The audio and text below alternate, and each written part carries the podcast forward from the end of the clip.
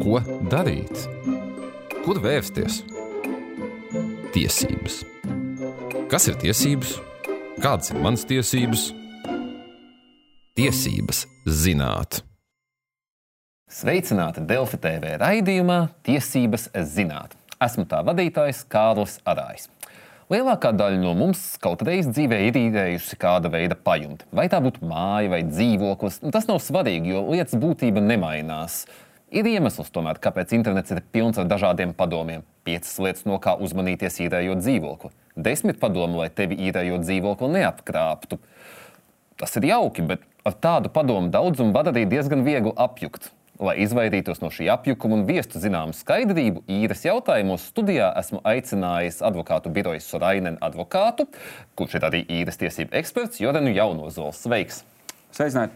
Jā, nu sākšu ar pavisam vienkāršu jautājumu. Es esmu parasts cilvēks, es gribu izīrēt dzīvi, es gribu noīrēt dzīvokli. Kas ir tas viens zelta padoms, ko jūs uzreiz man ieteiktu?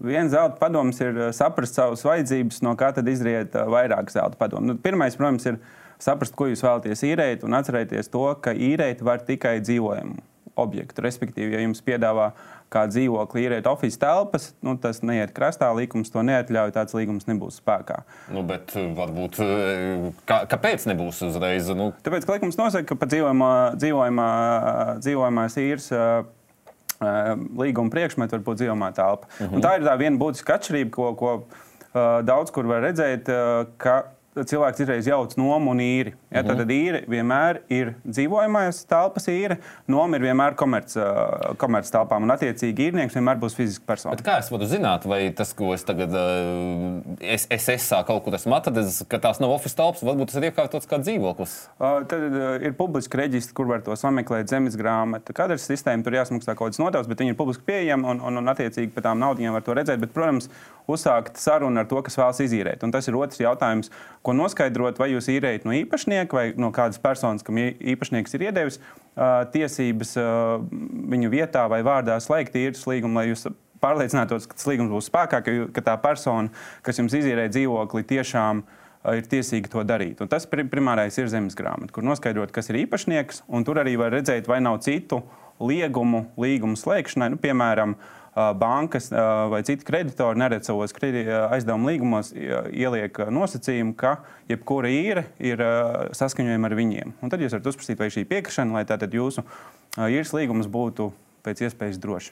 Tātad, ja es šo neesmu izdarījis, es nejauši esmu noīrējis oficiālās telpas, tad faktiski tas līgums nav spēkā. Es pareizi saprotu. Jā, jā nu tad uh, īrnieks nevar baudīt tās aizsardzības, ka nu, likums nav piemērojams. Tad būtu jāskatās, kā katrā konkrētā situācijā, kas būtu piemērojams un, un kāda būtu iznākums. Labi, es pieņemsim, es atrodu sev dzīvojamās telpas, to īrēšu, mm -hmm. bet uh, man tas cilvēks, no kā es tagad to īrēšu, saka, ka ah, es negribu te papīrus ķēpāt, un vispār rekur rakstīts, ka mutisks līgums arī ir līgums. Jā, tas ir rakstīts civilikumā, bet likumā par dzīvojamo telpu ir, ir noteikti prasība, ka līgumam jābūt rakstveidā. Un arī es ieteiktu arī izīrētājiem neizrauties ar mutiskiem līgumiem, jo, ja jūs saņemat naudu un jums nav tiesisks pamats, lai to naudu saņemtu, tad tā persona, kas to naudu maksājusi, var lūgt atprasīt to naudu. Līdz ar to tas, uh, tas rakstveida līgums ir, man, manuprāt, abiem izdevīgi. Turklāt likums to prasa kā obligātu formu likumam. Mm -hmm. Nu, labi mēs slēdzam rakstveida līgumu. Un, uh, Tad man pēkšņi pasaka, ah, bet es ieraudzīju, nezinu, Facebook profilā, ka jums ir divi suņi un divi mazi bērni. Nu, tad gan mēs neslēdzam. Tā drīkst, ka man mana bērna dēļ tagad nedos dzīvot. Tas ir ļoti labs jautājums, un tas ir nevienkārši ne atbildams jautājums. Teiksim tā, likums nevienam neuzliek par pienākumu izīrēt savu dzīvokli. Tas nozīmē to, ka tiesības prasīt, lai man izīrē, Uh, uz jebkādiem nosacījumiem ar kādām personām? Nu, visdrīzāk, ka nē. Ja tas ir ļoti rupjš gadījums, varētu domāt par kaut kādu morālo kaitējumu un morālā kaitējuma kompensāciju, iespējams, bet neprasīt noslēgt īrdzīvokli. Tas tomēr ir ļoti subjektīvs, subjektīvs attiecības. Nu, izīrē, kam, kam labāk grib izīrēt. Un, un, un, un es gan izīrētājiem ieteiktu ar to neaizrauties, jo nu, visu var atrisināt līgumā. Nu. Bet vai, piemēram, var īres līgumu pārtraukt, tad, kad piedzimst bērns? Nē, to nevar. Tas ir vien, viena lieta, par ko slēdzot īres līgumu, īstenībā nevajadzētu satraukties, ir īres līguma izbeigšana. Īres līguma izbeigšanas jautājumi ir ekskluzīvi atrunāti likumā, un neatkarīgi no tā, ko paredzēs līgums, būs piemērojams likuma normas. Un, nu, nereti izīrētāji īres līgumos ietver normu, ka arī viņi var izbeigt īres līgumu, teiksim, divus mēnešus iepriekš paziņojot. Šāds no, punkts nav spēkā. Izīrētājs var izbeigt līgumu tikai likumā noteiktajā gadījumos, kas ir bojāšana, telpu nodošana apakšīrē. Un, jauna ģimenes locekļa radīšana nav viens no tiem noteikumiem. Īres līgumā, piemēram, var būt norādīts, ka es nedrīkstu, kamēr es īrēju, ņemt mājas dzīvnieku. Tas tur drīkst tas, būt noteikts. Tas drīkstētu. Tā, tā, ja es tagad jā. paņemtu, piemēram, suni pretrunā īres līgumam, tad gan varētu mani pārtraukt to līgumu. Ja? Uh, iespējams, jo, jo nu, viens no pamatiem ir lietošanas noteikuma pārkāpums. Jā, tas varētu būt viens no pamatiem. Mm. Mm -hmm. un, nu, labi, īres līgums, īres vispār attiecības, tas ir arī monetāras. Un, nu, varbūt Jā. vienu mēnesi man kā īrniekam nu, ne, nesanāk samaksāt, bet nu, es nākamā mēnesī točnu, točnu samaksāšu, vai var mani dēļ viena nesamaksāta rēķina uzreiz izmest ārā, vai tomēr ir kaut kāda tiesiskā aizsardzība arī šajā gadījumā? Dēļ viena nevar, bet dēļ diviem var. Viens no pamatiem, lai izīrētājs varētu prasīt līguma izbeigšanu, ir maksājuma kavēšana un, un likumdevējs iepriekšējā regulējumā tas bija nu, nemaldos trīs mēnešu apjomā, tad tagad ir divi mēnešu apjomā. Protams, ja vien līgumā jūs varat vienoties par lielāku apjomu, pie kura izīrētājs var lūgt līguma izbeigšanu. Tas nenozīmē, ka jūs varat kavēt, jums jebkurā gadījumā tā nauda kā īrniekam ir jāsamaksā. Vienkārši kurā mirklī izīrētājiem rodas tiesības. Likums nosaka tātad to līmeni divu mēnešu. Var vienoties, ja ir labvēlīgs izīrētājs arī pa augstāku līmeni. Jūs sakat, ka likums nosaka vienu, bet var vienoties tā. Bet, uh, vai vispār likumīgi es drīkstam īres uh, līgumā ierakstīt kaut ko, kas varbūt ir pretrunā vai pret uh, to, kas ir tajā īres likumā? Nu, lūk, likumā tagad ir kopš pagājušā gada 1. māja notikusi liela revolūcija regulējuma attiecībā uz dzīvojamo telpu īri. Un ir stājies spēkā jauns likums, un viņš ir daudz liberālāks attiecībā uz to, ko puses var paredzēt līgumā. Uh, Iepriekš tās grozīšanas iespējas bija limitētas, diezgan tagad ir ļoti plašas iespējas. Un līdz ar to par daudziem jautājumiem var pieņemsim jau remonta darbi un, un tādas lietas. Un, un tad ir tās imperatīvās normas, ko es minēju attiecībā uz izbeigšanu, un ir kaut kāds obligātais minimums, kas, kam, kam līgumā ir jābūt tātad puses. Kas īrē, pa cik īrē termiņš, nevar būt vairs beztermiņa līgumi. Nu, ir tādas, teiksim, minimālais apjoms, ko jūs nevarat pārkāpt. Tālāk ir pušu brīva griba un, un spēja vienoties. Un turpinot arī par naudu, kā ir ar īres teiksim, cenas celšanu? Tur ir kaut kā jābrīdina, vai vienkārši vienu mēnesi man ir nezinu, 200, nākamā mēneša 400. Kā tas? Atkal tas ir jāvienojas. Uh, iepriekšējais regulējums paredzēja konkrētu, ja, ja, ja bija izīrētājiem tiesības paaugstināt, tad bija konkrēti brīdinājuma termiņi. Tagad nekas tāds nav. Tas ir viss, ko noteikts līgumā. Uh, Jūs visu laiku sakat, ir jāvienojas kaut ko. Tad varbūt Jā. padomājam tieši par to līgumu. Nu, kam, uz ko tad ir jāskatās to līgumu slēdzot? Jo jūs šobrīd saprotat, mm -hmm. ka viss ir tiešām balstīts uz to līgumu. Tad varbūt tieši tā.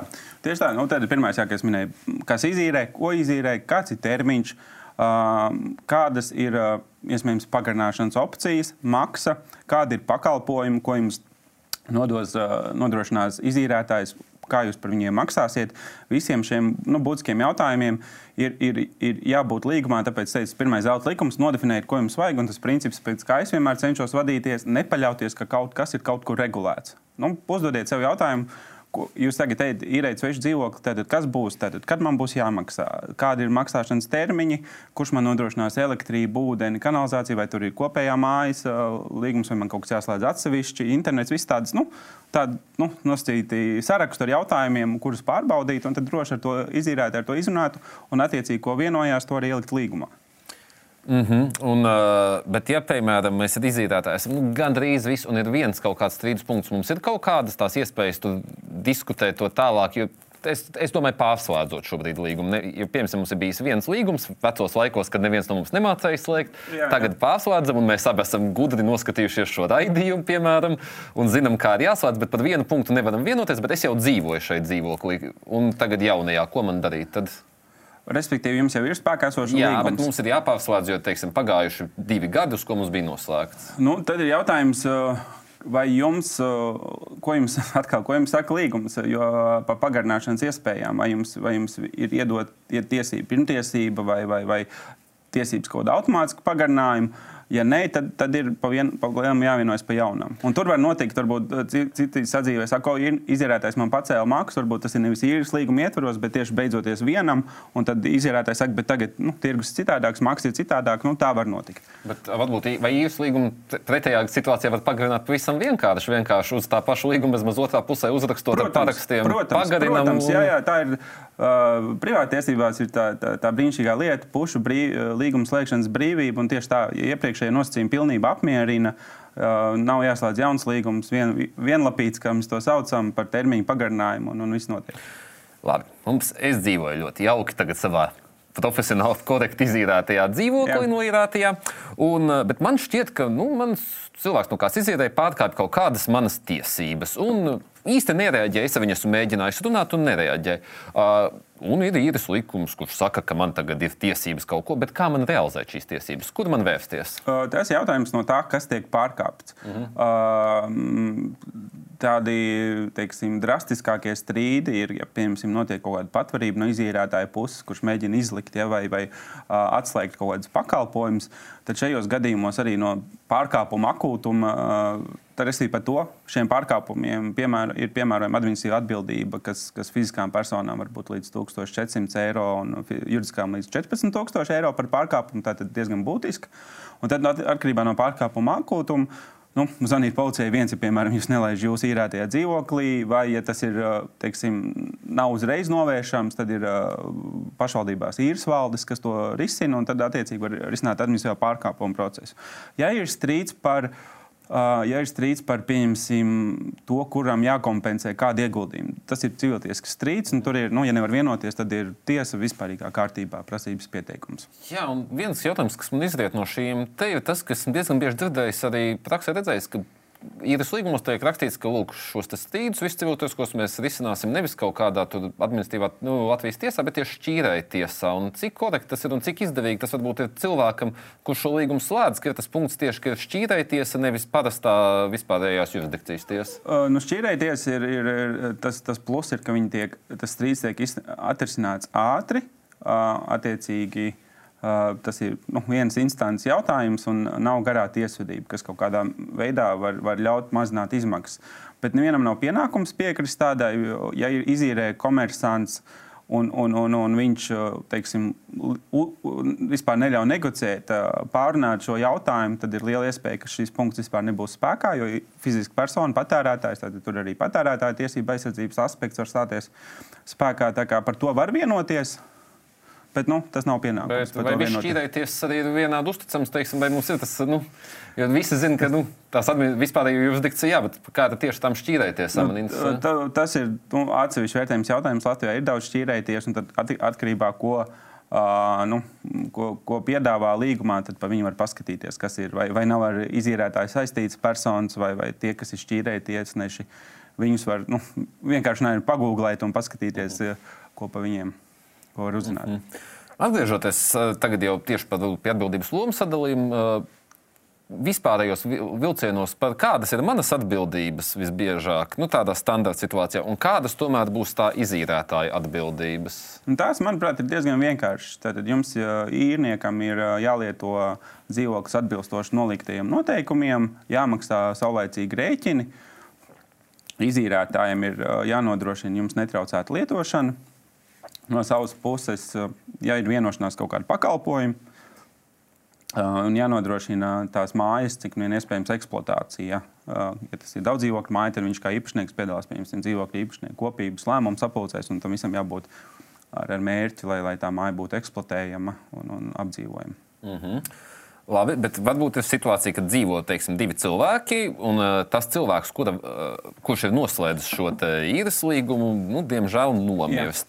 Uh, kādas ir tiesības tam uh, musalē palikušajam? Tad jautājums, kas ir Mosaulē palikušais, un šeit arī ir nianses, kas ir diezgan būtiski mainījusies pret iepriekšējo likumu, proti, um, tiesības prasīt līguma pārslēgšanu īrnieka nāves gadījumā ir īrnieka ģimenes loceklim, kas pēc jaunā regulējuma ir vai nu laulātais, vai nu abu, vai katra atsevišķie bērni. Iepriekšējais regulējums tomēr paredzēja diezgan plašāku to ģimenes locekļu definīciju, ietverot māsas, brāļus, vecākus, nu, kas nu dzīvo tajā dzīvoklī. Tā kā ļoti tas regulējums ir šaurs un, attiecīgi, ja piemēram ir divas personas pāris, kas nav, kas nav laulāti, tad viņiem būtu ieteicams par šādu opciju vienoties līgumā. Jo no izīrētāja puses Es daudz riskus neredzu. Ja jums ir, piemēram, viens ir nāve, bet arī persona var kļūt rīcība nespējīga. Nu, piemēram, kāda liela slimība, nu, mazums, kas notiek dzīvē, pazaudē darbu, un tad, lai ir iespēja otram iestāties vietā un turpināt tās īres attiecības. Un tad, ja ir tā nāve un ģimenes loceklis, tad, tad trīs mēnešu laikā ir jāprasa līguma pārslēgšana, un izīrētājiem nav tiesība atteikt šajā gadījumā. Bet tad sanāk, ja teiksim, divi studenti pāris, piemēram, studenti pāris, nu, nedomā jau tomēr par nav parasti, un nav jā. šāds punkts ierakstīts, tad var tiešām rasties situācija, ka, ka ja līgums izbeidzis, jā, un tas, kas nav. Un nav nekādu tiesisko ceļu, tu vismaz pagaidām. To, Tā kā par to ir jādomā. Tieši tā kā citās, jo tas, tas, tas, saka, tas, nu, tas viens ir students pāris, otrs ir piemēram vecāks ar bērnu, un bērns ir īrnieks un kaut kas viņa notiek. Vecā, nu, tā kā tā situācijas var būt dažādas, un, un, un tas ir pēc, jāatcerās, ka jaunajā likumā ģimenes loceklis tikai laulātais un bērni. Mm -hmm. Uh, vēl es gribēju pajautāt, arī vēl bišķi atgriežoties pie monetārā, par depozītiem ir uh, nu, mm. izīrējot divās daļās. Pirmās, vai kaut kur tiek regulēts, cik liels tas var būt, vai arī var noteikt nu, kaut vai nezinu, desmit īres uh, mēnešu apmērā. Un otrs, kā es varu pierādīt to, ka esmu pelnījis atgūt šo depozītu. Uh, tātad uh, likums nosaka maksimālo depozītu, ko var prasīt izīrētājs divu īres maksu apmērā.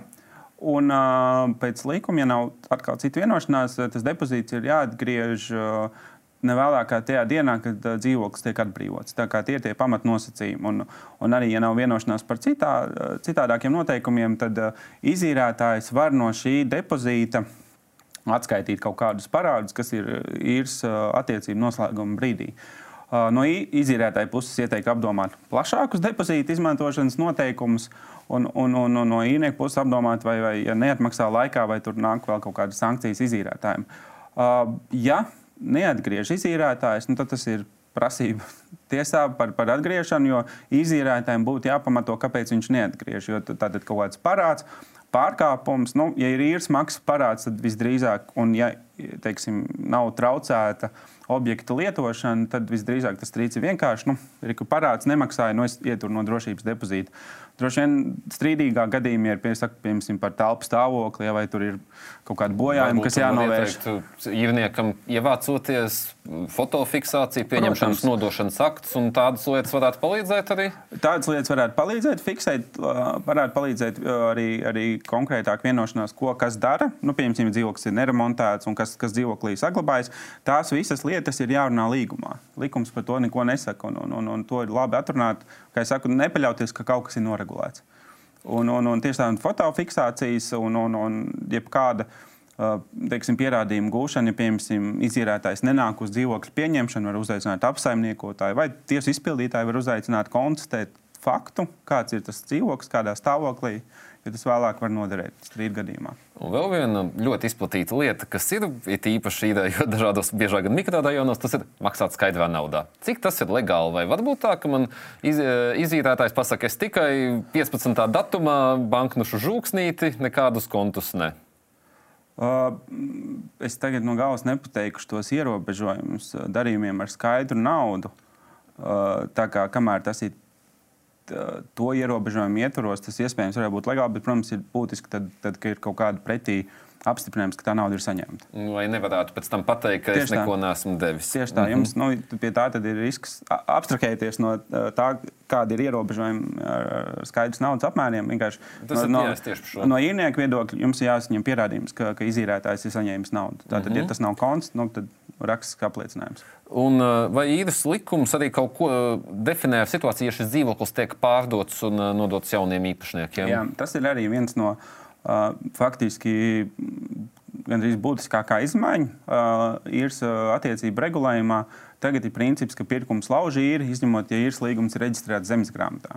Iepriekš tad, uh, bija 8. pāns, kas bija kā bubulis visiem nekustamā īpašuma attīstītājiem, ka jebkāds īres līgums jums iet mūžīgi līdzi. Jaunais tātad, regulējums pasaka, ka zemes grāmatā ir saistoši. Ja nav zemes grāmatā, tad īres līgums tiek izbeigts ar brīdi, kad jauniem īpašniekiem zemes grāmatā tiek reģistrēts uh, uh, reģistrētas īpašuma tiesības. Un tad ir divu mēnešu laikā jāatbrīvo dzīvojamās telpas, ja vien jaunais īpašnieks neizrāda vēlmi noslēgt jaunu līgumu ar īrnieku. Vai jaunais īpašnieks var nomainot līguma slēdzēju puses, pagadināt esošo līgumu, piemēram, arī vai tur ir formāli jāslēdz jauns, jo likums mm. pasaka, ka šis tiek izbeigts. Mm -hmm. Tāds ir tas, bet es rosinātu tiešām reģistrēt tos līgumus zemes grāmatā. Kā tur, to var izdarīt par cilvēku? Šis likums ir diezgan inovatīvs tādā juridiskā ziņā, jo cilvēki to var izdarīt, paņemot, tātad ir veidlapa zemes grāmata LV pieejama īres attiecību reģistrācijai, īres līguma reģistrācijai. Viņu aizpildot, elektroniski parakstot un elektroniski iesniedzot zemes grāmatā, nav pat nepieciešama notāra pakalpojuma. Man šķiet, ka arī nav nekādas nodevas jāmaksā. Tā kā faktiski bezmaksas pasākums, kas ir labi izīrētājiem, ka, ja īres līgums beidzas, sešu mēnešu, ja nemaldos, laikā tas īrslīgums automātiski tiek dzēsts no zemes grāmatas. Tad nav jāmeklē tas īrnieks, lai viņš paraksta arī par dzēšanu. Un izīrētājiem ir plus, ka viņš var pātrinātā kārtībā, ja īrnieks maksā, kavē maksājumus vai atsakās atbrīvot telpas, ka pātrinātā kārtībā caur tiesu var šīs darbības piespiedu kārtā. Vai man kā īrniekam ir jāinformē izīrētājs, ka es šo īres līgumu reģistrēju zemes grāmatā? Tas ir apusēji, vienpusēji to nevar. À, nemaz nevar, tad vajag abas puses, Jā, lai to tā. reģistrētu. Un, protams, un pašreiz vēl pārējais regulējums attiecībā uz, uz vecajiem līgumiem nav tā, ka ja tagad mainās īpašnieks un teiksim, līgums ir noslēgts līdz pagājušā gada 30. aprīlim, tad viņš joprojām būs spēkā un tad pārējais regulējumos jāpaskatās tie termiņi. A, ko man darīt, ja es, teiksim, mēs, es, man ir īres līgums uz trīs gadiem, piemēram, es gribu viņu nostiprināt zemes grāmatā, bet izīrētājs tam īsti nepiekrīt. Man ir kaut kādi varianti, kā panākt, ka tas tiek nostiprināts, vai tas tā īsti nav iespējams? Tas īsti nav. Jā. Tas ir, tas ir atstāts pašreiz pušu vienošanās. Mm, tad es vienkārši pats izdarīt savus secinājumus, kādus es gribu no tā. Jā, tā. Uh, un vēl vienu tādu nosaucošo jautājumu es gribēju pajautāt, piemēram, ka es tagad esmu īrnieks un es braukšu uz četriem mēnešiem prom ceļojumā. Vai es varu šo dzīvokli kā Airbnb vai kā jebko citu izīrēt? Pats? Vienojoties ar, ar, ar, ar izīrētāju, nu, teiksim, nodot apakšīrē Es domāju, tā var būt aktuāla situācija arī nu, pandēmijas apstākļos, kad cilvēki brauc teiksim, uz laukiem. Jā, bet jā, jābūt piekrišanai, jo viens no pamatiem, lai izīrētājs varētu prasīt līguma izbeigšanu, ir, ja tur dzīvo personas, kas nav minētas īres līgumā. Līdz ar to tur obligāti jābūt izīrētāju piekrišanai tam. Un tā pavisam noslēdzoši, vai ir kaut kas tāds, ko es šajā šodienas sarunā neesmu pajautājis, pieminējis, ko jūs noteikti gribētu nodot potenciālajiem gan īrniekiem, gan izīrētājiem? Nu, man liekas, mēs ļoti daudz apskatījām tematus. Es droši vien gribētu no, novēlēt visiem būt modriem savu tiesību aizsardzībā, nebaidīties no līgumiem. Uh, viņi tā nav raķešu zinātnē, vienkārši būt godīgiem. Un, un es domāju, ka cerams, ka jaunais regulējums ļaus uh, tam īres tirgumam iekustēties un attīstīties. Uh, jā, paldies jums par sarunu. Tad es arī novēlu mūsu skatītājiem uh, rūpīgi lasīt, uh, rakstīt un iepazīties ar visiem līguma noteikumiem. Un tiksimies jau pēc divām nedēļām. Un atcerieties, mums visiem ir tiesības zināt savas tiesības. thank you